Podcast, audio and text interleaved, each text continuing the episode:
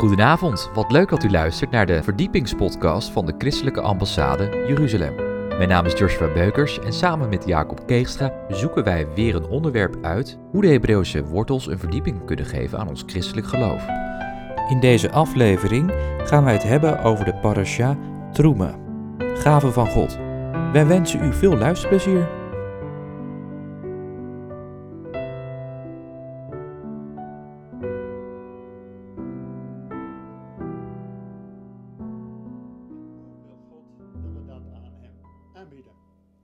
Welkom op een nieuwe aflevering in de serie Zicht op Exodus. En deze ronde over de gaven aan God, Parasha Truma. Met lezingen vanuit Wet, Profeten en het Nieuwe Testament. En vooral dat woord Truma betekent niet alleen gave aan God, maar vooral ook heilige of een gewijde gave aan God. Geschenken en in andere vertaling een hefoffer. En dat lezen we vanuit Exodus 25 vanaf vers 1. Waar staat: De Heer zei tegen Mozes: Vraag de Israëlieten mij geschenken te geven. Neem van ieder die daartoe bereid is een bijdrage in ontvangst. En die bijdrage kan van alles zijn: goud en zilver, koper, maar ook kleden, purper en scharlaken, ook hout alles was nodig om uiteindelijk een heiligdom voor God te bouwen. Maar wat hierin opvalt is dat een ieder die daartoe bereid is, dus dat hij het in zijn hart heeft om voorgenomen om dat aan God te geven. En die twee elementen die komen steeds terug. Niet alleen wat wij geven, maar vooral ook hoe en vanuit ons hart dat dat gegeven wordt. En dan lezen we dat dit eigenlijk de eerste collecte is in de Bijbel. We weten al dat Abraham, de vader van alle gelovigen, vrijwillig een offer gaf, de tienden, aan Melchizedek, de hoge priester van Jeruzalem. Maar hier wordt een collecte gevraagd. En als Mozes dat aan Israël vraagt, dan geven zij veelvuldig. Zodanig dat er zelfs over is. En dan gaat het niet alleen om die gave, maar wat ermee te doen. En dat lezen we in Exodus 25, vers 8 en 9, waar staat: En zij moeten mij een heiligdom maken, zodat ik in hun midden kan wonen. Dus daar gaat het om. Dat God een plek, een huis, een heiligdom heeft om midden tussen zijn volk te wonen. En wat bij opvalt staat, volgens alles wat ik u zal tonen, een ontwerp van de tabernakel en een ontwerp van al zijn voorwerpen, zo moet u het maken. Het is wel heel bijzonder dat alles wat we hier op deze aarde doen, en ook zelfs een heiligdom voor de Heer bouwen, is slechts een afschaduwing van het hemelse origineel. Dus ook alles wat in de hemel perfect is, daar is hier op aarde een afbeelding, een schaduw. Maar het is wel om juist ook bij God te komen. En als we dan lezen over die tabernakel, dus dat heiligdom voor God, als die gemaakt wordt, dat er ook verschillende voorwerpen in komen. Zoals een ark en een altaar. Twee belangrijke onderdelen, maar heel bijzonder wat er dan over die, dat altaar staat. Daar staat in Exodus 27, u moet ook een altaar van acaciahout maken en u moet het met koper overtrekken.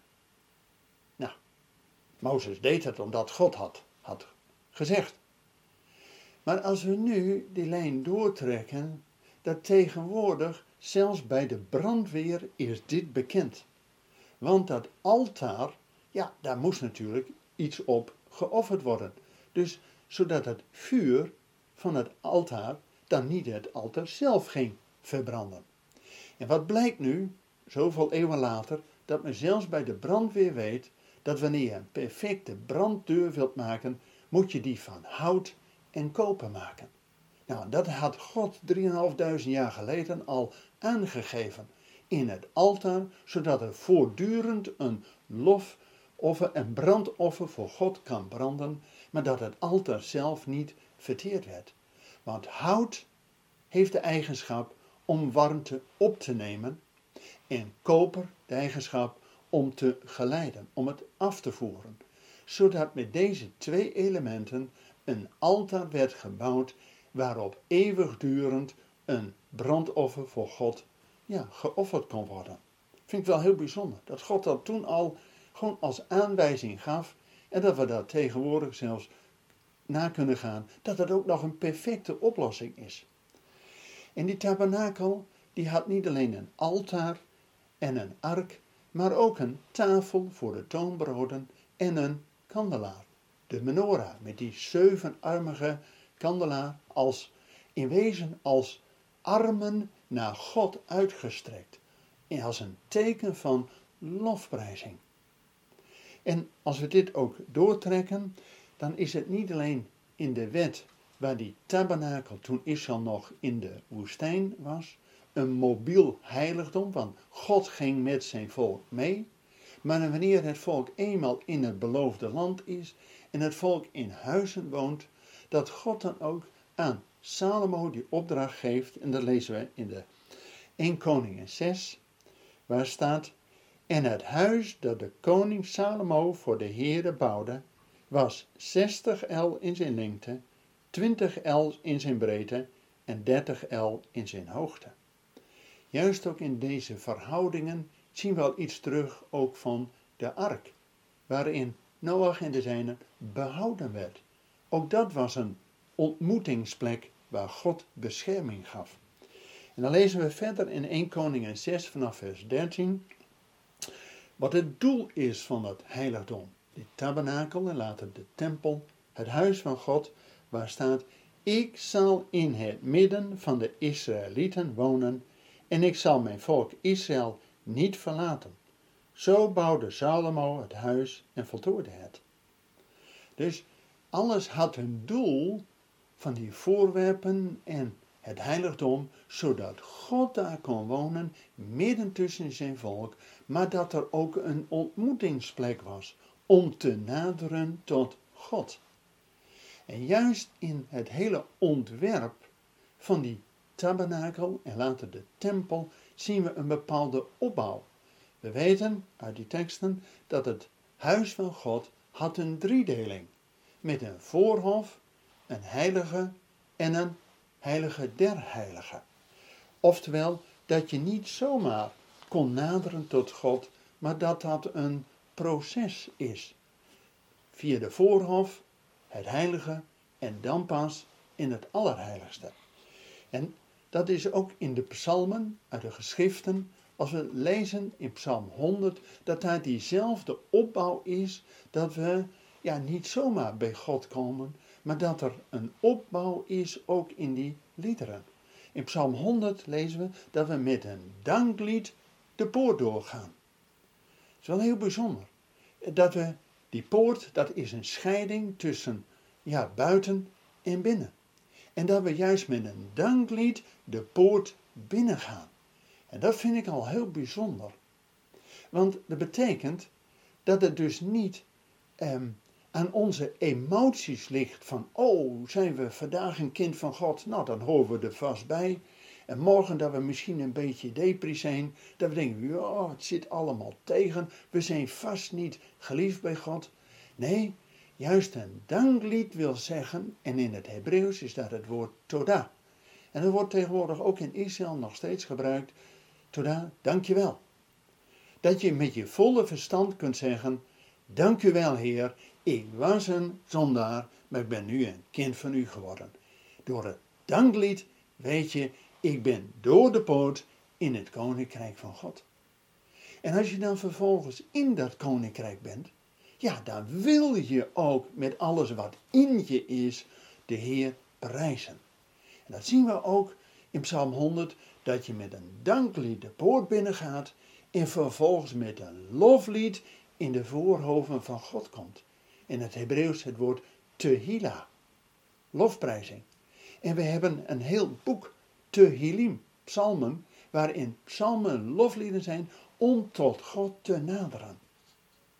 En dan komt het. dat ook bij de inwijding van de tempel, bij koning Salomo, dat wanneer God antwoordt en zijn heilige geest stuurt, zijn Shekinah glorie stuurt, dat de priesters geen dienst konden doen vanwege de heerlijkheid van God, de Shekinah van God. En dat de priesters gingen plat. Dat is aanbidding. Dat Gods geest het overneemt. En dan zien we ook in de opbouw dat we met een danklied de poort binnengaan. Dat kunnen we met ons volle verstand zeggen. En dan met een tehila, met, vanuit ons hart willen wij ook de Heer prijzen om wie Hij is. En dan komen we pas in de aanbidding dat Gods geest met onze geest getuigt. Abba Vader. En dat het enige wat we nog over hebben om God te prijzen met een lofoffer.